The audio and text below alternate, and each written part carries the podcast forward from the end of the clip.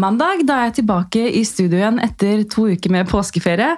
Eh, første gang jeg har tatt en pause fra podden, og det kjentes veldig rart. Men eh, det er godt å være tilbake igjen med litt ny giv. Det er, eh, har vært hektiske uker, og ferie med to kids er ikke akkurat den ferien jeg er vant til. Men vi har kost oss veldig, i hvert fall. Men nå sitter jeg i studio med Selina Karine. Velkommen. Takk. Jeg sa riktig, sant? Selina Karine. Ja, Veldig yes. vant til at det blir Celine Karina. Ja. Så...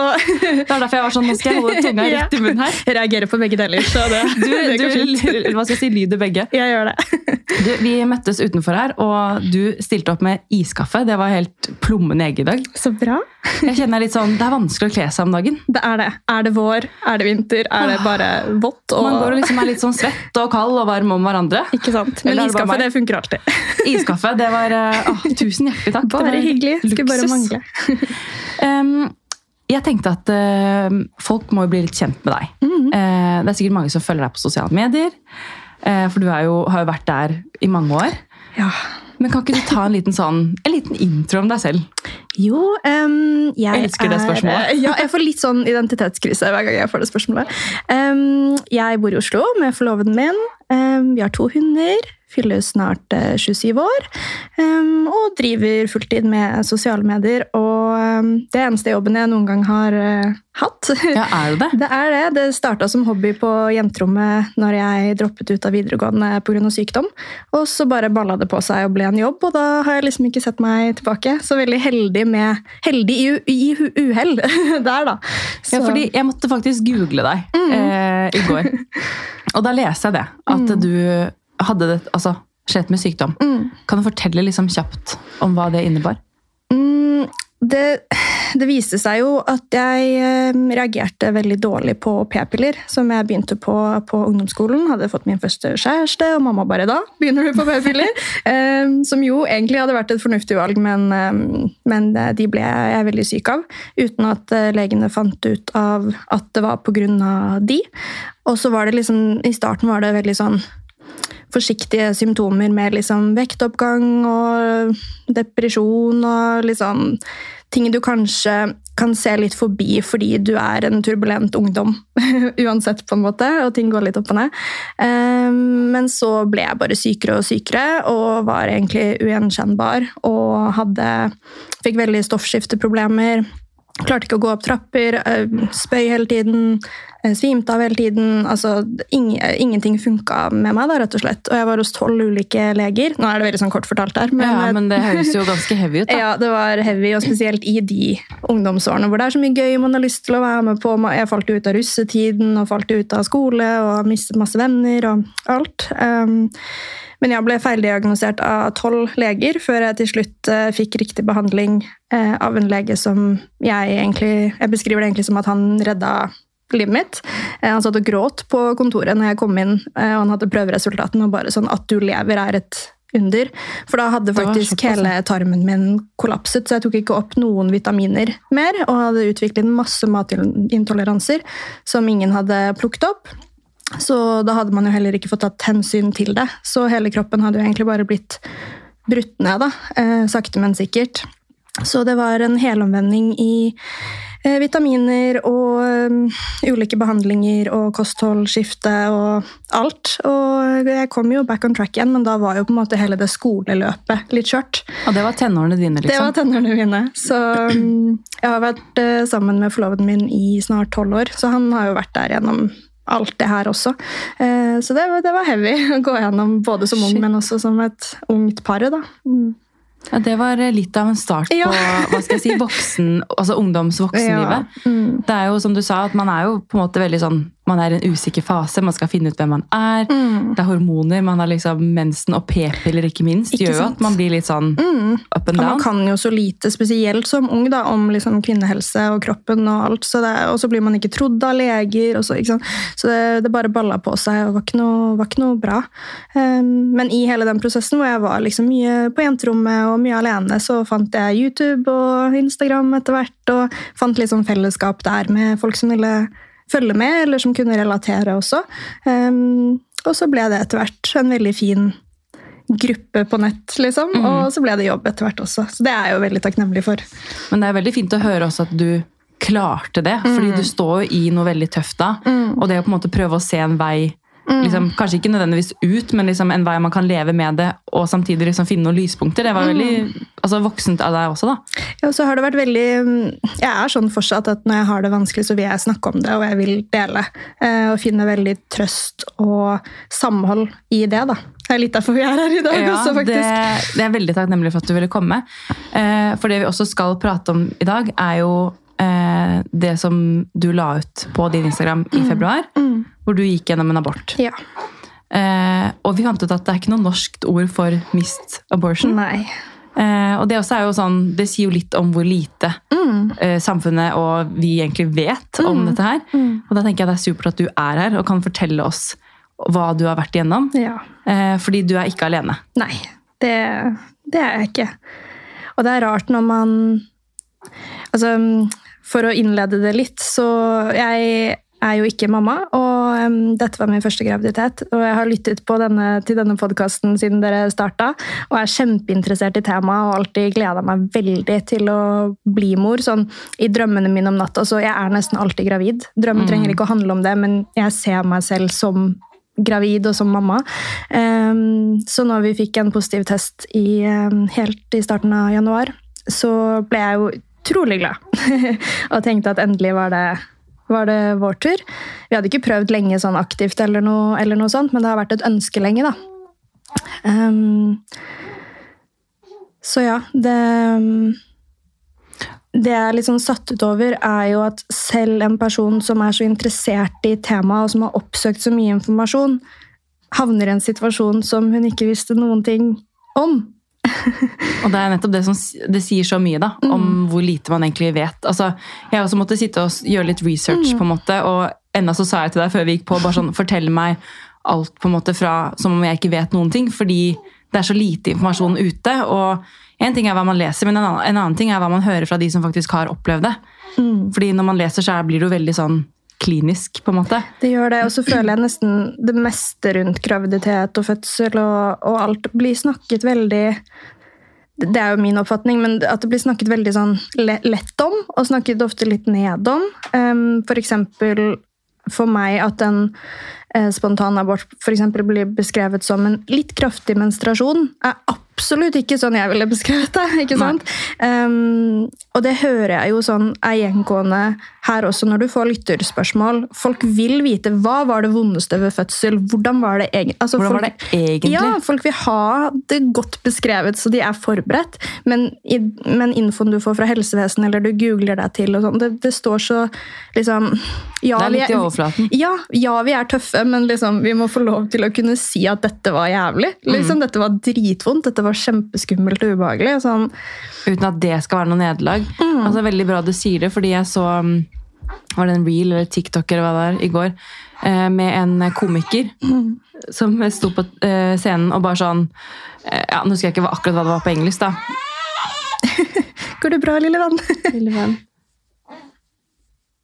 Åh, Ligger og presser litt. ja. Det er ikke bare bare å være liten. Nei. Eh, jo, en komiker på scenen, i hvert fall, som, eh, som sa eh, alle dere eh, mødre, you're all lying. For det er liksom sånn, når du kommer dit i den situasjonen, eller i graviditet, eller hva du enn, så er det sånn Det her er det jo ingen som har fortalt meg. Mm. Og det er litt det jeg vil med den podkasten Ja, her òg. Sånn, ja, jeg er en positiv person og ønsker å liksom framstille ting selvfølgelig som det er, men Mm. også sånn som du sa, Man hører jo ofte mye negativt også. Mm. Så jeg er sånn for å få frem ting som er positivt. Men så er det jo liksom noe med at når folk spør hvordan det egentlig er, så må man jo også få frem Ja, sannheten. da. Og jeg føler sånn, har du først lyst på barn, du blir ikke skremt av de negative tingene, du blir heller bedre forberedt. da. Ja, det er nettopp det. Mm. Men eh, du postet jo på Instagram hvis jeg ikke husker helt feil, helt til slutten av februar. Ja. Hvor var du da? på en måte? Jeg ehm, I min kropp og i min graviditet så var jeg i uke ni. Mm. Um, men fosteret hadde nok da, eller embryoet, eller hva man skal si, um, hadde sluttet å eh, leve da rundt uke syv, da, ville, ville de anslå. Og jeg hadde ingen blødninger, jeg hadde jo alle graviditetssymptomer. og hvordan oppdaget du at du var gravid? vi, vi prøvde jo, så jeg testa jo liksom fem dager før jeg egentlig kunne teste. Så, kom, så kom de svake positive strekene, og jeg var kjempeglad. Så jeg har jo liksom fulgt med på graviditeten helt fra første stund. Første strek, på en måte. Mm, absolutt. Um, det var veldig, veldig ønsket. Um, så vi, vi hadde en tidlig ultralyd uh, først hvor hun ikke um, så noen ting. Um, men da fikk jeg egentlig beskjed om at uh, du er mest sannsynlig litt uh, tidlig ute. For jeg var der i det jeg hadde regnet meg frem til at var uke sju, da, som egentlig er så tidlig du kan, kan sjekke. For jeg var så utålmodig. Men hun sa det holder jo at du egentlig bare er i uke seks, og så kan jeg egentlig ikke se noe ennå. Så kom tilbake om to uker. Mm. Vi kom tilbake om to uker og hørte hjerteslag, og du ser jo veldig lite da, for da er det jo fortsatt tidlig. Um, og så venta vi jo da noen uker til, hvor jeg ville tilbake for å se litt mer. Eh, og da var det vekst, men ikke liv. Og det var ikke noe jeg var forberedt på, fordi hver gang man går på do, så ser man etter blødninger, og det var det jo ingenting av. Og jeg hadde alle graviditetssymptomene mine, hadde kjempe med vonde pupper og var kvalm og hadde livlige drømmer og alt det her. Um, så da har jeg jo tenkt at da, da, går det jo fint, da går det jo riktig vei, og HCG-nivået mitt hadde jo gått oppover og alt.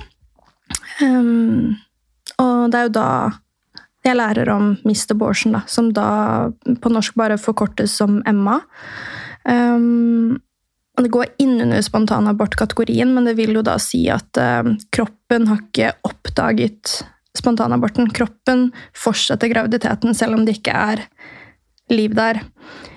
Og man kan jo beskrive det som egentlig en litt sånn fin ting. altså Kroppen min har så lyst til å ta vare på denne graviditeten at den innser ikke at det ikke er noe å ta vare på mer. da. Um, men da skjer jo ikke heller prosessen uh, av seg selv og naturlig, så du går jo fortsatt og bærer på dette barnet som ikke det er ikke, det er ikke et barn ennå, da, men ja, det du føler skal bli ja, ja. barnet ditt. Det, det føler man fra første strekk. Man gjør det. sånn. Man gjør det. Um, Men hva, hva går gjennom hodet ditt da? Når du på en måte du kommer dit, du gleder deg til å se Mm. lille frøet, eller lille bevegelsen på skjermen, og du hadde hørt hjertelyd, mm, og så kommer du dit uforberedt på det som skjer. ja. Nei? Sivert satt jo der med kamera og skulle filme når det kom opp på skjermen. og liksom alt, Så det var, det var Jeg kommer aldri til å glemme det. Uh, det øyeblikket der, det var veldig Jeg ble veldig tom. Og så ble jeg veldig sint. um, og hodet mitt jeg, jeg skjønte jo ikke på en måte hvordan, hvordan. Jeg sa jo det som Men jeg har ikke blødd. Jeg har, jeg har ikke blødd. Og hun bare sånn Nei, men Hun visste liksom ikke helt hvordan hun skulle forklare det heller, virket det som. Nei, for hvordan Um, sier man det? Altså, det er ingen fin måte å si det på. Nei, og så blir, blir, liksom sånn, så blir det veldig fort veldig praktisk. Da. Sånn der, ja, nå vil du ha time på Ullevål, så du kan sette i gang prosessen. Og, så sånn, og, men, og alt vi tenkte, var liksom sånn Er du sikker? Sånn, Hva om jeg starter den prosessen, og så har du sett feil? Ja. sånn, Kan vi sjekke igjen? Ja. men um, hun, hun lette og lette og fant ting. Det var ikke tegn til noe liv i det hele tatt. Så det er jo riktig, og det ble jo sjekket igjen hos Ullevål på en sånn kontroll eh, gynekologisk, da. Men um, men ja, det var, det var veldig rart da den Da gikk jeg jo faktisk en og en halv uke til før jeg hadde time på Ullevål. Um, og vet jo da at jeg allerede har båret et, et dødt liv, holdt jeg på å si, i to uker allerede. Og så går jeg en og en halv uke til og for, fortsatt har graviditetssymptomene. Og da Ja, er ikke fordi de noe ikke Nei. Nei. Så jeg var veldig rart, sint altså. på kroppen min, og det er veldig sånn trist å si, men det er veldig sånn ærlig hvordan det føltes. At, at det, det, og det er litt på grunn av sånn ordleggingen, tror jeg også, i at du har mistet noe. Så er det sånn I det så ligger jo litt at du har mistet Det er, det er litt din skyld, er sånn det føles, da. Og det vet jeg jo at det ikke var. Alt lå jo til rette, og vi ble jo gravide, og kroppen min tviholdt jo på denne graviditeten, så det er absolutt ikke noe med det å gjøre. Men jeg følte liksom for å unnskylde meg til Sivert og unnskylde meg til svigerforeldre og til pappa. Og liksom og jeg vet jo at det er feil, men det var liksom var det følelsen. du da. følte? Mm, at eh, kroppen min ikke hadde fått til noe. Og det er veldig dårlig samvittighet for etter den faktiske aborten jeg måtte gjennom. da, fordi da følte jeg meg sterk og tøff igjen. Mm. Men det er veldig fint at du sier akkurat hvordan du følte det. fordi Ja. selv om man Jeg kan jo kjenne meg igjen da, eh, i forhold til andre ting, Mm. men at man på en måte man blamer seg selv litt for Mm. situasjoner som man egentlig innerst inne vet at jeg kunne ikke gjort noe annerledes. Jeg har gjort mitt beste, på en måte, eller jeg, jeg har gjort alt jeg kunne. Det er ikke min feil. Mm. Men så føler man likevel at hva, hva kunne jeg gjort annerledes? Mm. Og så er det litt sånn Det er kanskje lettere å på en måte gi seg selv skyld. Mm. Fordi hvem ellers skal man gi skyld, da? ikke sant? Oh, men, du, du har folk rundt deg, men du, det er jo din kropp. Du føler Ja. jo det er deg det det er deg det på en måte fysisk går på også. Det er Ja. du som føler på alt. Mm. Det er din kropp, det er dine hormoner. Mm. Eh, det er deg det skal skje ting med, på en måte. Mm. Men hvordan var, som de sa, jeg bestilte time på Ullevål. Altså, hvordan var veien videre fra dere var på den ultralyden? Um, da fikk jeg time fredag uka etter. eh, og fikk jo da beskjed om at da kom Og da, da kunne det jo skjedd av seg selv i mellomtiden. Eh, det gjorde det jo ikke, og det hadde jeg ikke før. Altså, så lenge symptomene fortsatt var der, og HCG-en min gikk jo ikke nedover og, og sånn, så um, det, var, det var veldig lang uke. Tiden gikk veldig sakte før den timen. Og jeg synes også det er litt rart at man ikke kan få time ganske raskt for noe sånt. Du vil jo bli man- ferdig med det, liksom. Um, ikke trekke det ut. Uh, og da var det kontroll um, Men Var det noe, var det noe på en måte, poeng? Var det, ville de at det skulle starte selv? på en måte? Var det derfor de ventet? det-? Eller? Uh, Det var vel um, Jeg skulle bort den helgen og kunne ikke avlyse det. Men jeg hadde nok ikke fått time sånn første helg uansett. Og så når vi bestilte time da på mandagen, så var første ledige på, på fredagen. da. Ja. Um, men altså, det kunne jo skjedd av seg selv. Og, det, og til, på et eller annet tidspunkt, det er det mange som lurer på rundt dette, liksom, hadde det ever skjedd av seg selv? Hvor lang tid kunne det gått? Ja. Og det, det sier de jo at det hadde jo til slutt skjedd, men det er ingen liksom, pekepinne på liksom, når det hadde vært. da. Nei, for det var liksom litt et av de neste spørsmålene Mm. jeg hadde. på en måte, sånn hvor Da hadde du på en måte Hvis ikke du hadde tatt noen eh, Hvis ikke du hadde tatt noen eh, private Ja. ultralyder, Mm. og kroppen din fortsatt har symptomer, yep. så ville du nesten gått til en offisiell ultralyd. Mm. Eller sånn Og det, når veldig mange har delt sine erfaringer med meg, så er det jo det mange sier, at de er liksom i uke 12, 13, 14, og så får de vite at over halvparten av den tiden så har det vært dødt. Mm. Og det er jo helt grusomt. Det er forferdelig. Og det er ikke for å liksom skremme noen, men sånn, det er en grunn til at man har lyst til å ta tidligere enn Ja, ja. det. Bare, ja.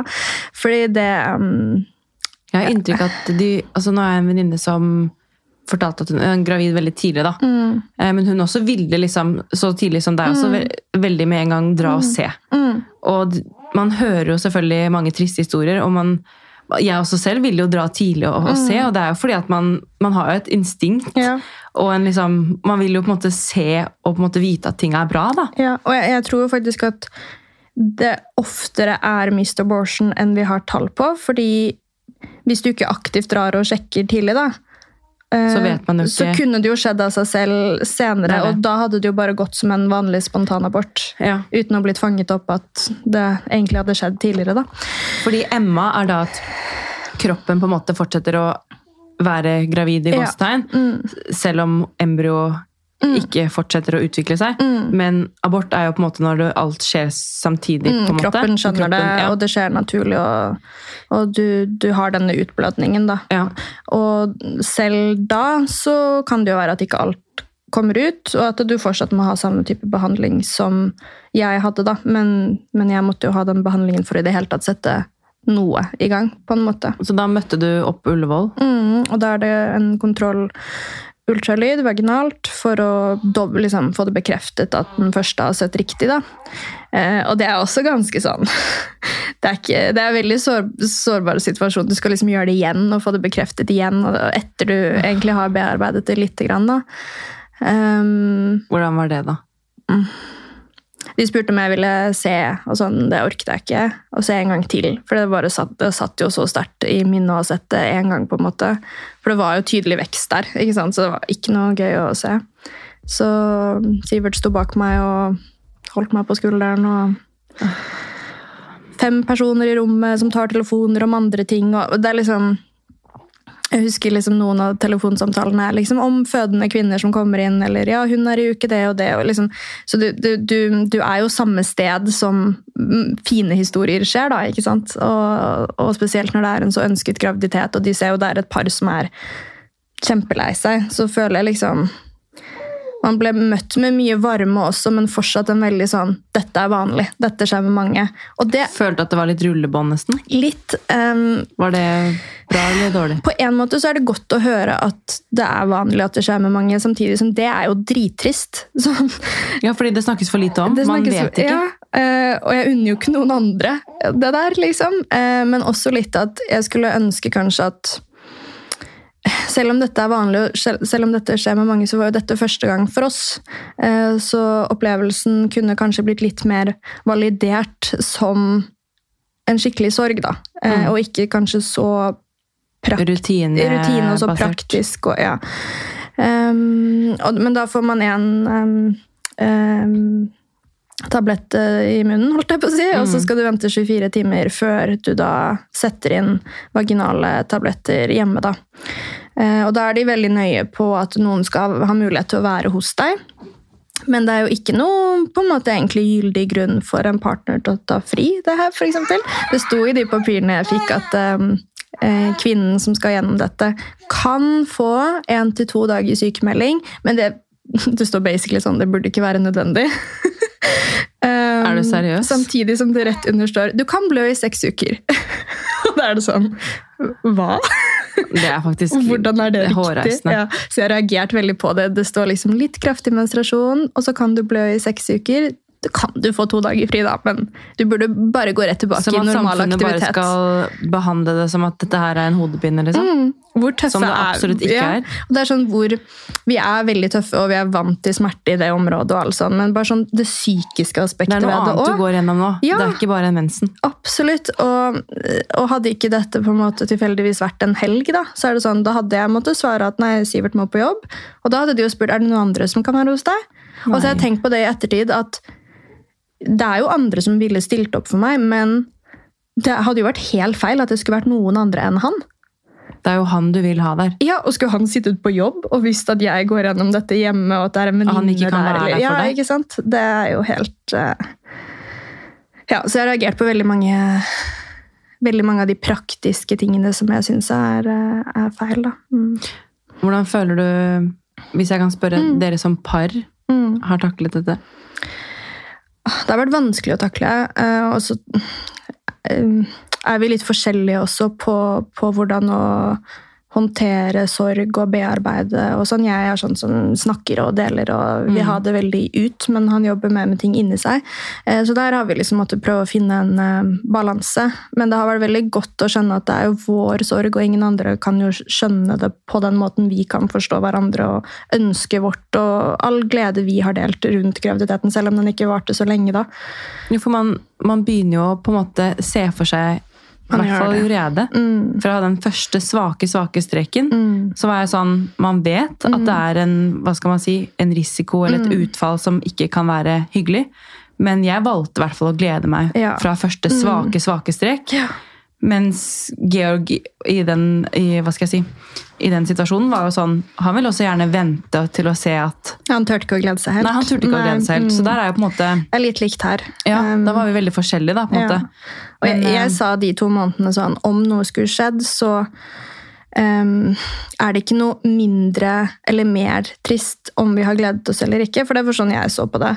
Og jeg har nesten pusha de som visste om det, til å liksom glede seg med meg. Jeg, og jeg angrer jo ikke på at jeg gledet meg. Eneste forskjell hadde jo vært at det hadde vært to skumle måneder i stedet for to fine måneder. Um, Hvorfor skal man gå glipp av det? Mm. Men jeg har følt litt på det i ettertid, sånn, og litt dårlig samvittighet for at jeg fikk folk til å liksom bli, bli gira med meg. Men det er jo også det jeg som gravid trengte da, da. Og det er jo Ja.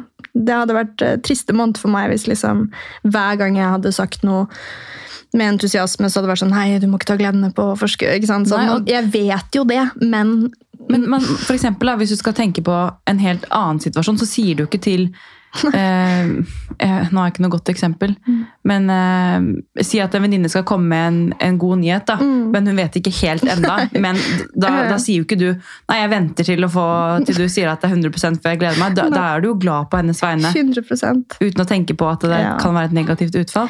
Og etter de tre månedene, som på en måte er den der normen med når du skal fortelle det og få gratulasjoner og sånne ting, det kan fortsatt skje ting da, dessverre. Du er ikke garantert noe noen gang i prosessen, på en måte. Det er, en, det er jo en skummel reise. Men man må jo ta de gledene man kan få, tenker jeg, da. Det er jeg helt enig i. Mm. Men jeg bare prøver å tenke sånn Ja, to dager skulle du liksom være hjemme, på en måte. Mm. Det var det man liksom fikk fra samfunnet, altså sånn, for å se litt sånn svart-hvitt på det. Mm. Men hvor lang tid tok det før du på en måte Altså jeg skjønner at det, det er jo en ting skal skje med kroppen, og ting skal ut. på en måte. Mm. Ja, det er veldig sånn var fysisk. Um, veldig fysisk. Og det er jo faktisk rier som settes i. Det er jo en fødsel, basically. Og det syns jeg også kanskje ikke ble utdypet godt nok. Når det blir beskrevet som en menstruasjon, ikke sant? så er det sånn Da tenker du at du skal ligge på sofaen og ha litt vondt i magen? ha litt kramper og blø litt, men det var liksom sånn Jeg sto jo som en fødende gravid kvinne, liksom, og det står du, Det kan være lurt å ha bind. Jeg måtte ha bleier. altså sånn, Det er ikke, det kan være lurt. Det er, jo- bind er det minste. Du må ha store nattbind. er det minste du må ha. Ja. Men at det, ikke, at det ikke står at du bør ha voksenbleier. at du bør ha, jeg er bare sånn, du, du, Det kan være lurt å ha bind. Det blir snakket så liksom Ja, hva, hva er det det de papirene trodde da? At du bare skulle sette deg på toalettet, liksom? Nei, jeg, jeg forstår, De som har skrevet det, kan jo ikke ha opplevd det. liksom, Eller ha erfaring med det. Fordi, ja, nei, så jeg blir em, Jeg har jo fått mye respons eh, etter jeg har delt rundt det fra folk som har opplevd det før, og har sagt sånn Oi, jeg skulle ønske jeg så denne videoen før jeg sto i det selv, eh, for da hadde jeg gjort flere ting annerledes. Og så har jeg fått masse respons bare etter, etter jeg delte i februar. Det er jo ikke lenge siden. Eh, Veldig mange som har opplevd det etter meg da, og sier jeg er så glad for eller, Jeg er så glad i hermetegn for at du opplevde det først, sånn at jeg kunne Ja.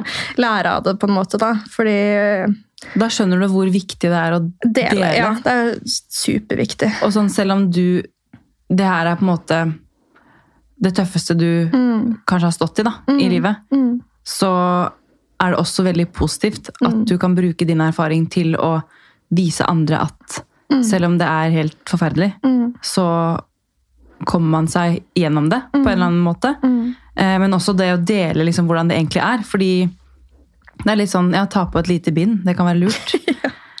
Så står man der med noe helt altså sånn, Og jeg tenker sånn, heller ikke liksom heller gi all info, og så kan man bli positivt overrasket hvis man har en lettere opplevelse, enn at du skal føle deg som den Helt enig. pysa som overreagerer hvis du har en mer voldsom opplevelse. da. Ja, for da kan hende man over og tenker sånn Er det noe som er galt? Ja, ikke Eller sant? Sånn, Ja, for Sivert sa det sånn der Du har blødd veldig mye, vi må ringe. Vi, Mm. De sa hvis du blødde mye, så måtte vi liksom Jeg bare sånn Men det er, det er riktig, ja, liksom. du sånn. følte det. Det, det var veldig riktig. Det var åtte runder med på en måte disse mm, riene, da. Eh, og at det kom ut liksom mye. Og så etter det var det liksom var, Etter det så Mm. var det den der med litt eh, voldsomme menstruasjonsblødningen. Men selve aborten, det var jo en fødsel, på en Mm. måte. Og det var, eh, det var ikke Men jeg hadde jo sterke smertestillende, så jeg syns ikke det var vondt. Men det var utrolig ubehagelig. Og ekkelt. Ekkelt er liksom ordet som Hvor sånn, kjente du det på en måte mest i kroppen? Holdt på å si hodet. Ja. Fordi det bare psykisk Tøft var så psykisk. Ja, veldig tøft psykisk. Og eh, veldig sånn ingen gulrot i enden, på en måte. Det var bare trist. Det var bare, liksom, en fødsel er jo heavy, men da, da ser du jo frem mot å møte barnet ditt, liksom. Og her var det bare Det var ikke var noen det den- medalje her. Nei, og det var bare den sorgen av at når jeg er ferdig med dette, så er jeg ikke Jeg sørget jo liksom det å ikke skulle være gravid mer òg, for jeg Mm. syntes det var så koselig. Um, så Selvfølgelig, det var jo vondt i magen og vondt i liksom, Men det var på en måte ikke der fokuset mitt uh, lå. og jeg ville liksom bli på en måte ville jeg liksom bare bli ferdig med det, men på en annen måte så var det skikkelig trist å bli ferdig med det. Og hvordan det sjekkes at det har gått som det skal, det er at du får ikke noe oppfølging. Det er ingen som spør deg hvordan det går etterpå fra helsepersonell. Det du da må gjøre, er at du må gå og kjøpe en graviditetstest. Så du må gå inn på apoteket, kjøpe den pakka med den smilende babyen, eh, ta den testen hjemme og håpe at den er negativ. Og hvis den er positiv, må du gjøre det igjen. Og det er også At du ikke får en innkalling til en ny ultralyd hvor de kan sjekke at det har gått som det skal, og også gi deg litt psykisk oppfølging, det syns jeg er helt uh, tullete. Har du gitt noe tilbakemelding til sykehuset? Jeg vet liksom ikke helt hvordan jeg skal gjøre det. det. når det er så standard, da, på en måte. Det er litt sånn som du sa i stad, på en måte så er det fint, på en eller annen rar måte å si det på, mm. at det er så rutinebasert. For hvor normalt det er. Ja. ja. da forstår man mm. at jeg er virkelig ikke alene, og mm. dette her skjer hver eneste mm. dag. Men samtidig så er det også ekstremt trist, for da er det så mange som går gjennom mm. akkurat det samme som du beskriver nå. da. Og jeg vet jo at sånn jeg er jo veldig privilegert i at jeg jobber hjemme og kan styre hverdagen selv. og, og det her. Så, Men tenk å sitte på et kontor da, et par dager etterpå. liksom. Tenk det. Og du blør fortsatt kanskje masse, og psykisk er det supertungt. Og du er, du er jo superhormonell. sånn, Jeg har nettopp nå gjennomført si, min første mens etter dette, da, så syklusen min er på en måte back on track igjen nå. Men den, ja, de, den måneden der, da Jeg har aldri følt meg så hormonell og vrak noen gang. For ikke bare skal kroppen gå fra å være gravid til å ikke være det, men du skal liksom få Det er jo helt sykt at den klarer det. Det tok jo ikke lange tiden før liksom, mensen kom tilbake og liksom, eggløsning igjen, og man i teorien kan begynne å prøve på nytt, liksom. Men um, Du har jo da fortsatt gravidhormoner i kroppen, ja, og, og så får du alt det på en måte mentale og fysiske. Mm. Og så skal du på en måte bare rett tilbake. i samme, mm. altså, og veldig mange i den situasjonen har jo ikke fortalt folk rundt seg at de var gravide i det hele tatt. Og forteller da jo kanskje også ikke at de har mistet. Og så er du hormonell og litt gretten og lei deg på jobb. og sånn, 'Hvorfor er du så sur, da?' ikke sant? Ja. Tenk alle kommentarer man plutselig Så jeg er jo veldig glad for at jeg har vært åpen, fordi det har jo gjort at folk har kunnet tatt litt hensyn og forstått meg bedre også. Men jeg har jo masse forståelse for hvorfor mange velger å ikke fortelle også. Det er jo også. fordi det er sikkert kjempesårt og tøft, da. Mm, mm. Men det viser jo også ekstrem styrke hos deg. Mm. Ja, det håper jeg, jeg, du tar til deg. Takk. Og jeg, jeg synes på en måte det er noe fint i å la folk få lov til å bry seg òg, for de, de, fleste vil jo, vil jo bry seg. Mm. Jeg, jeg, jeg, blir helt imponert jeg, over hvordan du prater om dette her. Altså, selvfølgelig, du har, du har jo Unnskyld. Altså, du har jo, og er jo sikkert fortsatt også i en sorgprosess. Mm. Men det at du på en måte sitter her Jeg var jo litt sånn Jeg ville jo gjerne spørre deg om du ville komme og gjeste. Mm. Men så var jeg veldig sånn Jeg må være liksom veldig sånn forsiktig med hvordan jeg trår frem. fordi som jeg skrev til deg, så er det sånn veldig forståelig om det på en måte er too soon. Mm. Men så har du på en måte også delt litt om det ja. i dine egne kanaler. Så jeg tenkte sånn Kanskje hun har lyst? På en måte På en måte er det jo også bedre å få delt det ganske når du eh, står i det? Når, ja, for du, du, fortrenger jo litt ting, og ting kan liksom, føles litt annerledes i etterkant da, enn når det er litt ferskt. Så når jeg først bestemte meg for å liksom dele ganske utfyllende på YouTube, og sånn, så så tenkte jeg at da er det best å gjøre det med det. Altså, jeg vil gjerne komme over kneika som gjorde at jeg ikke sitter og griner eh, i alle setninger. på en måte. Ja. Og det, det, er godt, for da får man formulert seg bedre. og um, men, men, jeg tenkte følelsene må fortsatt liksom være der ganske ferske for at folk også skal forstå. Da. For jeg vil ikke sitte og snakke altfor lett om det heller. Jeg håper ikke det oppfattes. Nei, Men sånn som jeg, jeg, ser deg nå, da, så på en mm. måte no, i noen setninger også, så ler du på en måte og smiler litt. Ja, veldig forsvarsmekanisme. Ja, Er det det? ja, det er det. Ja, for jeg tenker, jeg er liksom sånn, er det forsvarsmekanisme, mm. eller er det liksom at du ja, det, er, det er jo ikke et morsomt tema. Nei, nei det er jo ikke så... det, men sånn, på en måte du, det blir litt sånn galgen, da. Mm, ja, ja. Fordi du, sånn som det å kommentere at liksom, ja, da var det bare en vanlig dag på jobb, så skal mm. du videre. altså sånn, mm man må nesten se ja, litt galgen i det for ikke liksom tenke at Eller jeg, kan, jeg ikke, kan, jo ikke si noe om det, jeg har ikke jo. vært borti det, men, mm. men, sånn jeg på en måte leser deg mm. her også nå, at man må prøve å liksom se en eller annen utvei og mm. nesten ikke lede bort. Absolutt ikke. Men at du Ja. Det er din mm. måte å bearbeide det på. og Absolutt. Kanskje klare å prate om det nå også, da. Ja, og jeg, jeg, føler det er veldig viktig å si til alle i liksom lignende situasjoner at uansett hvordan du trenger å takle noe sånt som det her, så er det riktig for deg. Og det er veldig viktig for folk, liksom pårørende også, å vite at hennes reaksjon vil aldri være feil, så følg litt hennes lid. Vil hun tenke på noe annet, la henne tenke på noe annet. Vil hun snakke om det, la hun snakke om det. Eh, For folk håndterer ting på veldig ulike eh, måter. Så jeg har vært veldig heldig med både det å ha liksom en støttegruppe av liksom fine følgere som vil meg godt, men også venner og familie som, som har latt meg både tenke på andre ting, men også latt meg prate ut og kjenne på alt av følelser. da. Det høres ut som en veldig fornuftig prosess. da. For det er, eh, det er absolutt, hvert fall uansett hva tungt man går i, eller går igjennom, så er det sykt viktig å få det ut. Det er liksom Det føler jeg er litt sånn steg én. Å bare liksom grine det fra deg. Absolutt. Jeg har grått så mye. og så blir man litt tom for tårer, på en måte. og... Da vil man kanskje le litt, da. Ja, ikke sant? Det er litt, litt ulike faser man skal gjennom. Men hvordan føler du at du har det nå, da?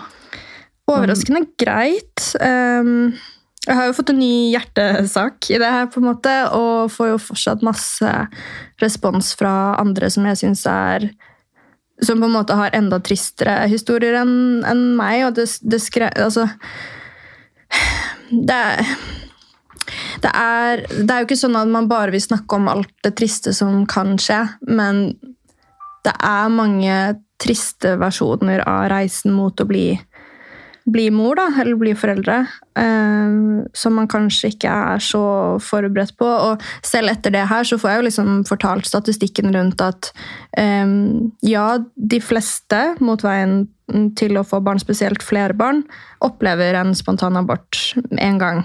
Men statistikken for at du opplever det igjen, er veldig liten. Så folk prøver jo liksom å si sånn Da har du gjennomført den ene, holdt jeg på å si, som er stat statistikk eh, altså, ja.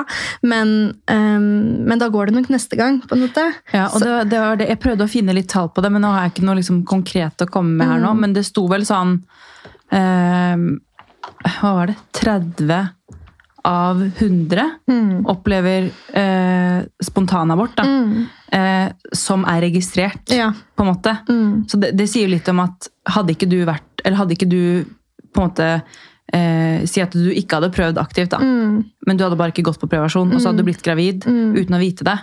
Eh, og så hadde du trodd at du hadde fått mensen, men så hadde det vært en Ja. på en måte natu naturlig eh, Kroppen hadde hva skal jeg si, ryddet opp på en Selv. nat selv. da så er jo det en på en måte, statistikk som ikke er registrert. Og det sant? skjer jo sikkert ekstremt ofte også. Så det sier jo litt om at 30 av 100 er ganske mange, men det er sikkert enda flere. Og det er det folk på en måte ikke tenker på når man liksom på, scroller nedover Facebook og liksom, ah, da skal de ha barn, og da skal de ha barn. Ja, ja, ja. Og liksom, å ja, alle, alle skal bare ha barn, eller?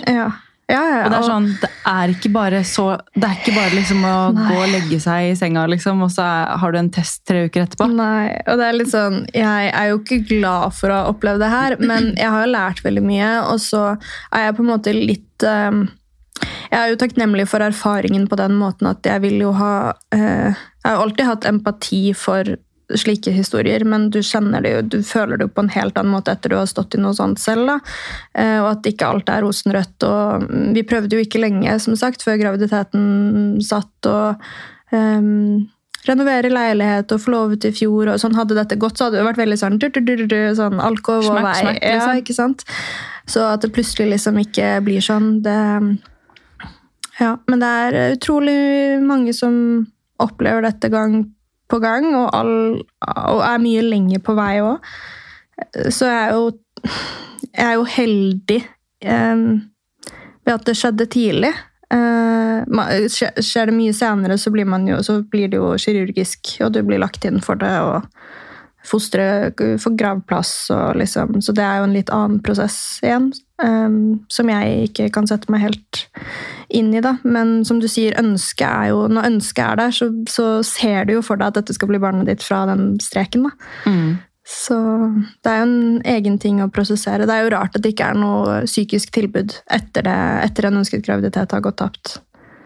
Absolutt. Mm. Det burde jo vært eh, jeg tenkte på, altså det burde jo vært en oppfølging Mm. på helsestasjon. På samme måte som man har oppfølging når man går gravid. Så som du sa, Mm. du ble jo tatt inn på samme sted som fødende, som gravide. Altså, Mm.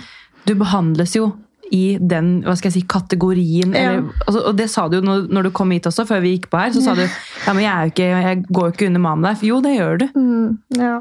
Det, og det mener jeg. Det er, det er like viktig at du sitter her og prater om det, selv om du, du ikke har et barn eller er gravid. Fordi det er så viktig at du prater om veien ditt. ja. For det er så mange som går gjennom akkurat det samme som deg. Mm. Takk for gode ord. Det er uh...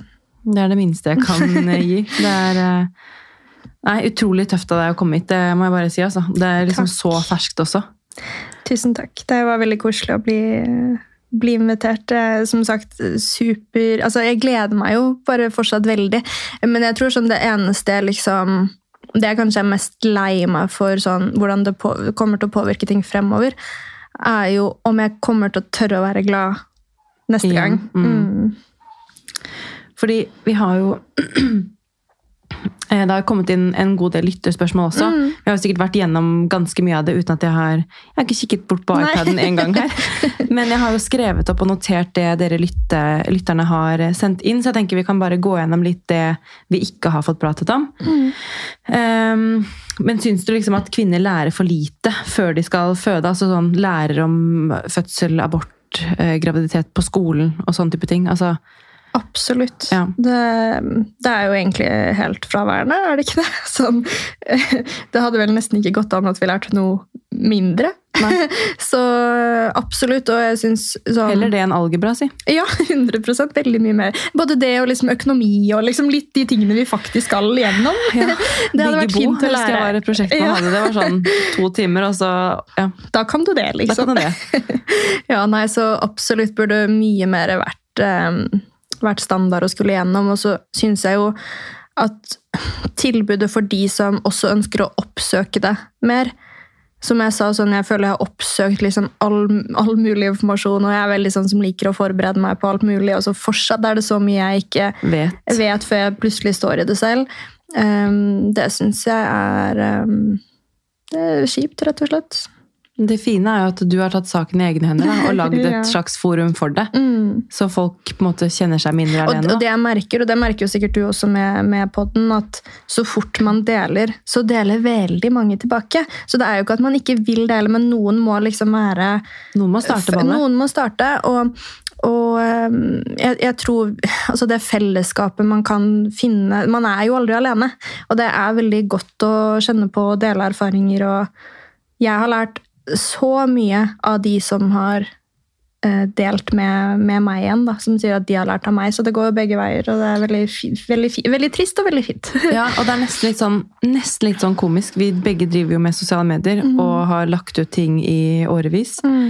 Men det jeg merker, og det merker jo sikkert du også spesielt etter det her, men det er sånn Legger man ut uh, en fin dag eller en eh, karusell med liksom perfekte bilder her og der, så er det sånn Det er ingen som gidder å like det. Nei. Men når du deler noe som er fuckings vanskelig, Ja. ja, da renner det inn kommentarer. Og det er liksom Folk vil se Altså, Folk vil jo ikke se at folk har det forferdelig, Men folk vil kjenne seg igjen relatere, og ja. relatere. Mm. Og da er det så mye enklere å ta kontakt. Det merker jeg jo selv nå, hvis folk deler noe som er tøft. Mm. Som er sånn Shit, det der har jo jeg opplevd også. Man kan jo Mye sammenligne å- det med vanlige relasjoner og vennskap. og Du kan ha de liksom mer overfladiske vennene du møter og har det gøy med og catcher litt opp med. Men det er jo noe helt annet enn de du går dypt med. Dypt med, ja. mm, og da går du dypt med dem, så går de dypt tilbake. Ja, og så er det nesten litt sånn Det kan jeg merke i liksom litt nye relasjoner også. At Mm. eh, Ok, men her, her er jeg keen på å åpne opp litt. Mm, Og da merker man jo med en gang, mm, hvis man kjenner kjemien, da, Ja. at liksom, ok, men her kommer det jo i retur. ja, Med mm, en gang, liksom. Mm, Og da er man på en måte på et annet plan. Og det er jo det man på en måte basically gjør også med følgerne, da. mm, Eh, ja, så er det flere som skriver at um, de har vært gjennom det samme og gleder seg til å høre på podkasten. ja.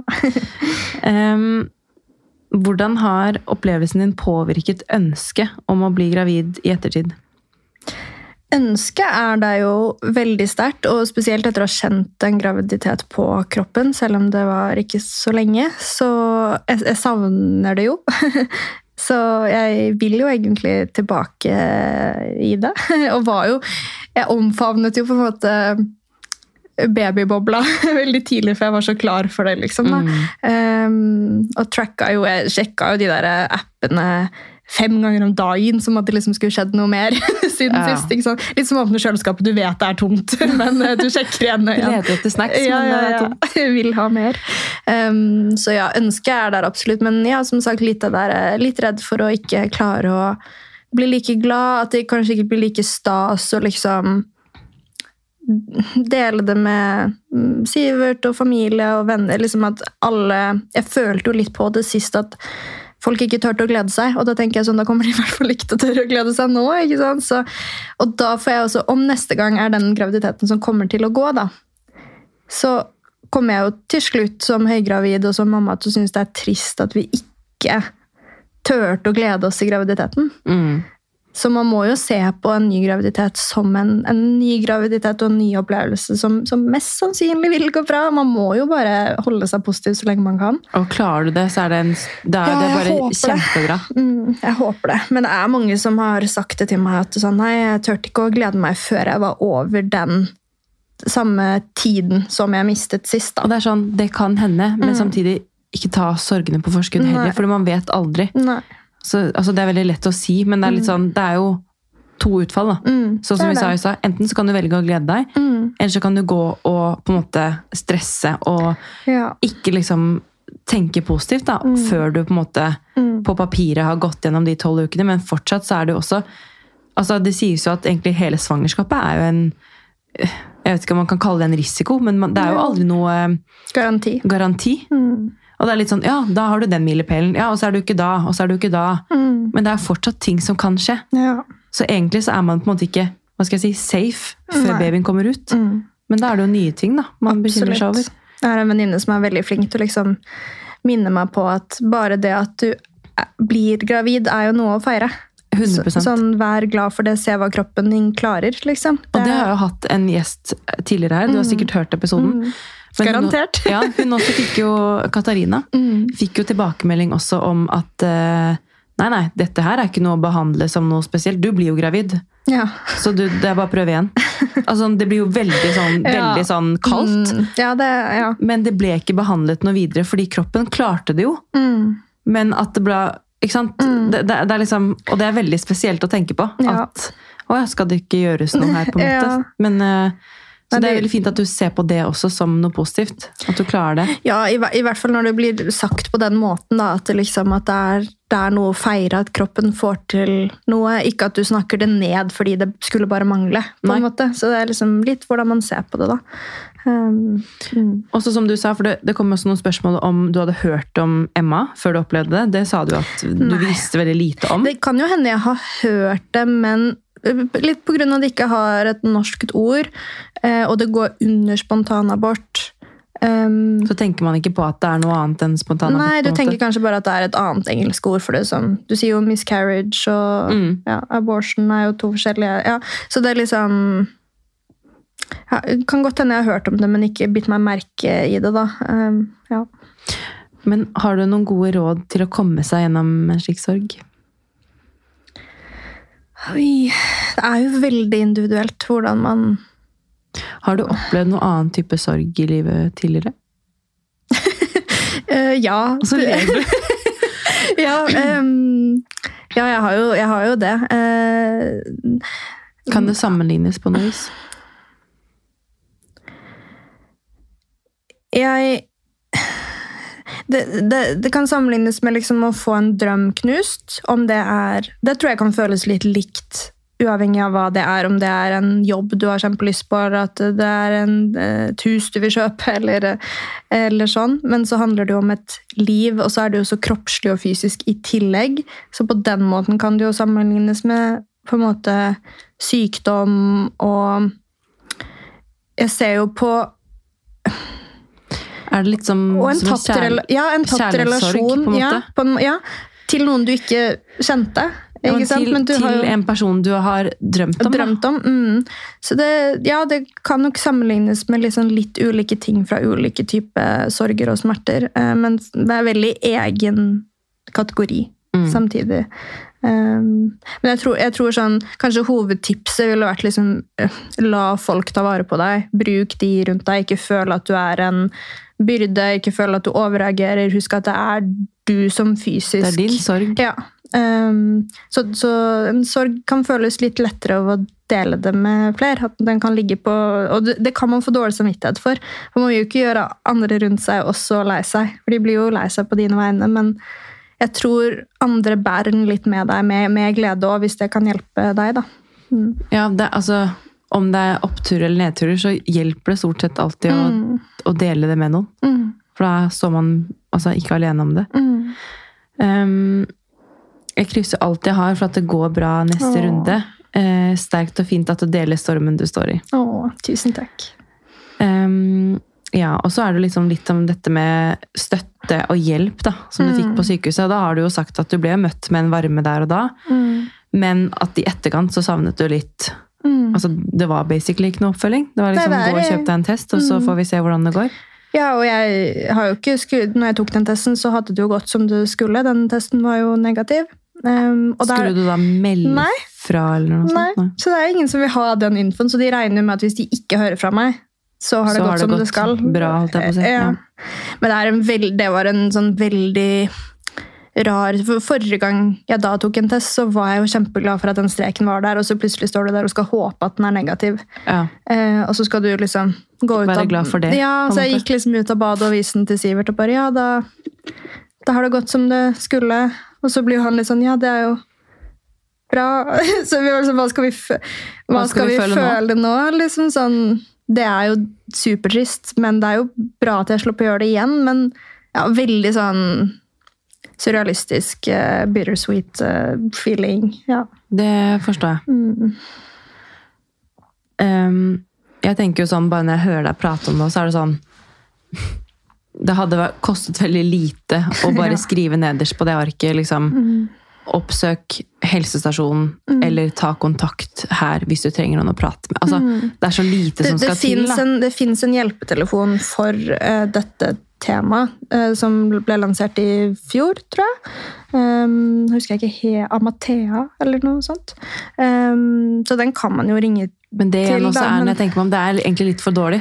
Jeg Fordi du det. burde jo egentlig liksom Du burde egentlig på en måte eh, Ok, den testen, ja. Da vil du at du ringer inn og forteller. Mm. Og så kan de liksom hva skal jeg si, stemme av litt med deg. Ja. Hva trenger du videre? Mm. Fordi det, det er det ingen som og de sa jo det at, for jeg sa sånn, Er man på en måte i noe mer risiko etter å ha opplevd dette? Og er man um, sånn, Får man tilbud om noe tidligere ultralyd neste gang? Eller liksom Å ja, nei, nei, du skal ha opplevd dette tre ganger på rad med samme partner før vi på en måte ser på det som en Mm. risiko, og før vi begynner å sjekke opp i om det kan være noe gærent, da, på en måte. Og det er jo liksom Igjen, den der, det, det er bra at du skjønner at det, ikke, at det er vanlig, men liksom Bare det psykiske aspektet av det. Selvfølgelig vil en ny graviditet føles annerledes for noen som har mistet forrige gang. Mm. Det er jo flere på en måte Faktorer. faktorer. Ja. Mm, det er ikke bare det fysiske. Så Og så er det jo det siste spørsmålet da, som du må selv bestemme om du vil svare på. Men når ser dere for dere å prøve igjen? Oh, um, Det er selvfølgelig, Hvis du ikke vil svare jo. på det, så skjønner jeg det. Um, det er litt sånn eh, Det, det er litt vanskelig. Det, de ambef, det er jo ikke noe i teorien som sier at man ikke kan, kan begynne å prøve med en gang, men eh, det anbefales at du liksom har noen runder med på en måte din nye syklus. da. Mm. Em, litt for det praktiske å faktisk kunne tracke det ordentlig og sånn hvis du blir gravid, men samtidig så sier det jo at det er desto høyere sjanse for å bli gravid hvis du begynner fort igjen. Og det Eh, som er bra, er at du har fått tilbake mensen. ja, For det sant? også har jeg skjønt da, at kan ta tid. Mm. Så jeg tror jo på en måte at jeg var litt sånn Fra jeg fant ut det med sykdommen min i ungdomsårene, så har jo ikke jeg gått på noe em, medisinsk, holdt jeg på å si, hormonell Prevensjon, nei. eh, prevensjon. Eh, Så systemet mitt var på en måte Jeg har alltid hatt veldig sånn regelmessig menstruasjon og har ikke noe som liksom har forstyrret eh, der. Så det kan jo ha hjulpet meg litt i både å bli fort gravid, men også å komme raskt tilbake i en syklus igjen. da. Mm. Um, så ja, nei, jeg, jeg har veldig lyst til å uh, gå raskt inn i det igjen. Også litt fordi jeg har lyst til å komme meg forbi det punktet. Forstår. Um, mm.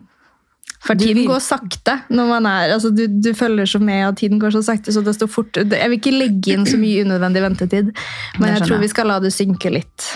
Mm. Det er forståelig. Men du er ved godt mot, da. Jeg er det. Vi skal jo bli en familie. Det skal dere. Ja. Dere har jo allerede to barn. Ja da, jeg er hundemamma. Men eh, hva skal jeg si? Altså, det her ble jo på en måte en veldig fin, samtidig som det ble en ganske trist episode òg. Ja. Men uh, jeg er veldig glad du prater så åpent om det nå. At du, hva skal jeg si, med et lite glimt i øyet, selv om det kanskje er litt forsvarsmekanisme Ja, også, ja. så kan vi sitte her og smile litt med iskaffene våre. ja. Men hva, altså nå er det jo det er vår, det er snart sommer. Mm. Eh, som du sa, dere er ganske sånn nyforlovet. ja. Gratulerer med det også. Takk. Eh, og dere har holdt på å renovere. Altså, Mm. Fortell litt om liksom, leiligheten og prosjekt, altså jobb. Ja. Hvordan ser tiden fremover ut?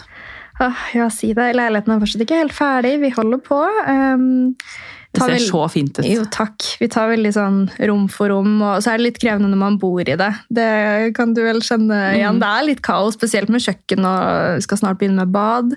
Så alt sånt er jo litt sånn, det er ekstra dyrt og ekstra krevende og alt, men jeg kjenner jo sånn det å ha andre prosjekter er veldig godt. Jeg er kjempeglad for å ha liksom, de ulike sosiale medier-kanalene mine og litt annen jobb utenom. Og, Ja, fordi du har både, altså For de som ikke følger deg, da. Mm. Så du har jo både Instagram og YouTube. ja. Har du noe mer? Jeg har jo liksom TikTok og Snapchat, Ja, ja, og jeg er ikke så flink flink på det. Men, eh, men jeg, liksom- jeg er der. du er der. ja. Under samme navn på alle? Ja. Ja. Mm. Så um, ja. Det Hvordan syns du det er å jobbe med sosiale medier nå?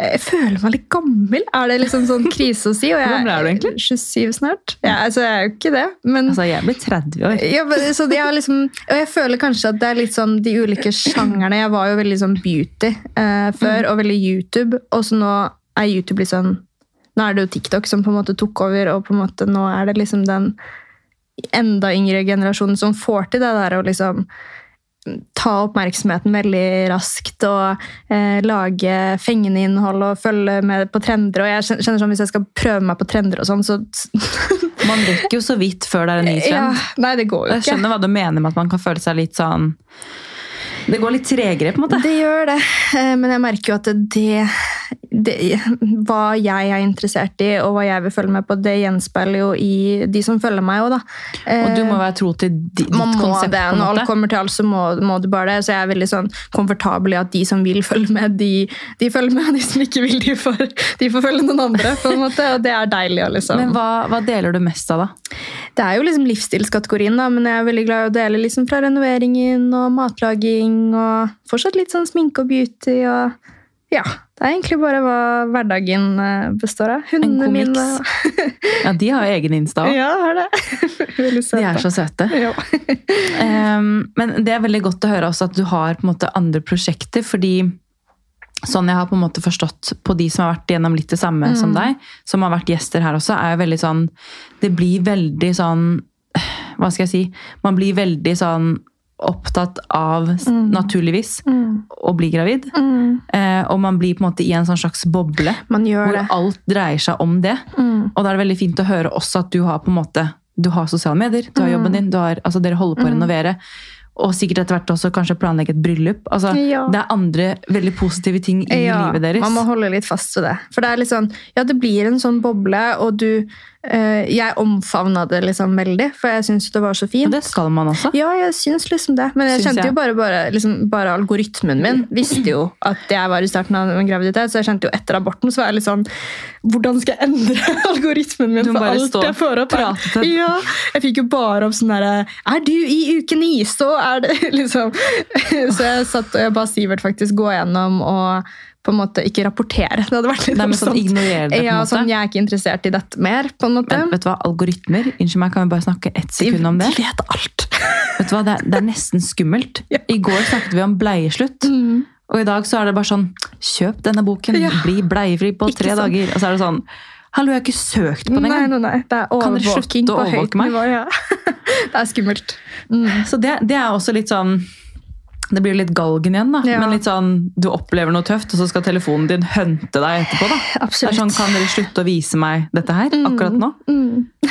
Det, det, det sier litt om hvor digital verden man lever i. Når Ja. kjæresten din må gå inn og Ja, for det var det jeg tenkte altså. sånn, Når dere vet alt, kan dere ikke også ha fått med dere at jeg ikke er gravid Ja. lenger? Så dere kan tilpasse dere det? Men det Begynn å dele noe annet nå, her, ja, ikke sant. Nei da. Så det Men igjen, ikke sant. Det er jo mange som Det er jo mange som eh, deler de tunge opplevelsene også. Så det å også finne den algoritmen, da. eh, så du kan høre litt andres erfaringer og ikke føle deg alene. og eh, opp, Oppsøke det litt kan også være litt sånn godt i en, i en sorg. At du liksom hører at andre andre validerer at følelsene dine er ok Mm. og naturlig. At du ikke føler deg alene om å stå i det du står i. på en Mm. måte. Men hvor er det du har delt? For du har jo delt på Instagram, men jeg forstår også Ja. at du har delt en del på YouTube. Jeg har en timeslang utfyllende video på YouTube hvor jeg Ja. svarer på masse spørsmål som har kommet inn. Mm. Um, så det, det er jo for spesielt interesserte, på en måte, men jeg tror mange fant liksom litt trøst og, og hjelp i den. Uh, og mange sa at de syns det er veldig fint når noen sier at jeg har ikke stått i dette og planlegger ikke å bli gravid, men om jeg en gang blir det, så vil jeg være glad for å ha Sett denne videoen. Eh, og så er det også mange som har sagt at de har opplevd at noen rundt seg har gått gjennom dette, og at videoen har gitt, gitt de større forståelse til å Til kunne være en god pårørende. da. Mm. Eh, og det er jo vel så viktig. 100 Mm. ja, Nei, jeg er bare så imponert over deg, Altså. jeg får ikke sagt det nok. Takk. Men igjen, det er liksom Man er veldig forskjellig som person, og jeg kjenner jo ikke deg på en måte privat, bare Mm. Nei. litt sånn gjennom sosiale medier. Mm. Men du fremstår jo på en måte som en veldig positiv person. Jo, takk. eh, og liksom løsningsorientert. Og det tror jeg på en måte er, eller det ser jeg jo også, er jo egenskaper som gjør at Man kan ikke si at man kommer seg lettere gjennom noe, men du klarer i hvert fall å se fremover. da. Selv om du lever med det som er tøft. på en måte. Jeg tror sånn, jeg må jo liksom gi cred til terapi og sånn også, fordi det er bare å vite hva egentlig dine naturlige forsvarsmekanismer er, eh, og hvordan du kanskje kan overkomme de litt, da, til måter som faktisk kan hjelpe deg å bearbeide best mulig, eh, så du ikke setter lokk på noe, fordi det vil komme opp en eller annen gang uansett. Så jeg er veldig sånn, jeg syns det er best å bare kanskje ihjelsnakke det litt nå. Bli litt ferdig Bli med det. Ferdig, på en måte. Eh, fordi hvis jeg hadde holdt alt inne nå, så hadde det påvirket veldig mye lang tid fremover, er jeg sikker på. Og så hadde det plutselig eksplodert ut på, i en helt annen situasjon. Da, enn at man på en måte ja, får bearbeidet det ordentlig. Så det, hvis du ikke klarer å snakke med partner eller, eller familie eller venner, så absolutt liksom oppsøk noe terapi og få det ut, er, er et godt tips. Veldig bra. Har du, altså, du sa jo at, at du har hatt mye støtte i på en måte, naturligvis partneren din og Mm. nære venner og familie, men har du oppsøkt noe annen type hjelp? Jeg gikk fast eh, til terapi fra før av, så jeg har Ja. jo ikke sluttet med det. Nei. Eh, Så, eh, så det er godt, men jeg kjenner jo faktisk at det, den største hjelpen har, har vært å dele det offentlig, faktisk. Sånn, litt også fordi det også er arbeidsplassen. Sånn at uh, jeg tenkte at jeg må om jeg ikke skulle dele, så hadde jeg jo blitt borte derfra. Ja. Fordi, og da hadde jeg jo følt at jeg på en måte holdt noe hemmelig, og så hadde det påvirket arbeidet mitt. Så det å liksom få en forståelse Da tenker folk sånn Hvorfor er du borte? Liksom. ja, ikke sant? Og, og da kan spekulasjoner begynne, og så, så det er jo Ja. aldri bra. Så, så godt det lar seg gjøre å være åpen med de man møter i hverdagen, det, det er fint. Mm. Oh, veldig mange gode tips og Ja, erfaringer og råd til folk som hører på. Og som du sa, selv om man kanskje ikke er i den situasjonen, Mm. så kanskje man har bekjente eller venner, eller kanskje selv kommer til å oppleve det. Og da er det fint å på en måte enten ha sett YouTuben eller Mm. hørt på denne episoden. Mm. Så føler man at man er litt mindre alene. Mm. Du, tusen, tusen hjertelig takk for at du kom til studio. Tusen takk for at jeg fikk komme. Og hvis folk ønsker å komme i kontakt med deg, hvordan eh, kan de nå deg da? Da er jeg Selina Karine overalt, hovedsakelig på eh, Instagram og YouTube, og en del på Snapchat også. Mm. Snapchat er gøy. Snapchat er gøy. så da kan man eh, kontakte deg der. Ja. ja det er veldig hyggelig. Tusen takk for at du kom. Selv takk.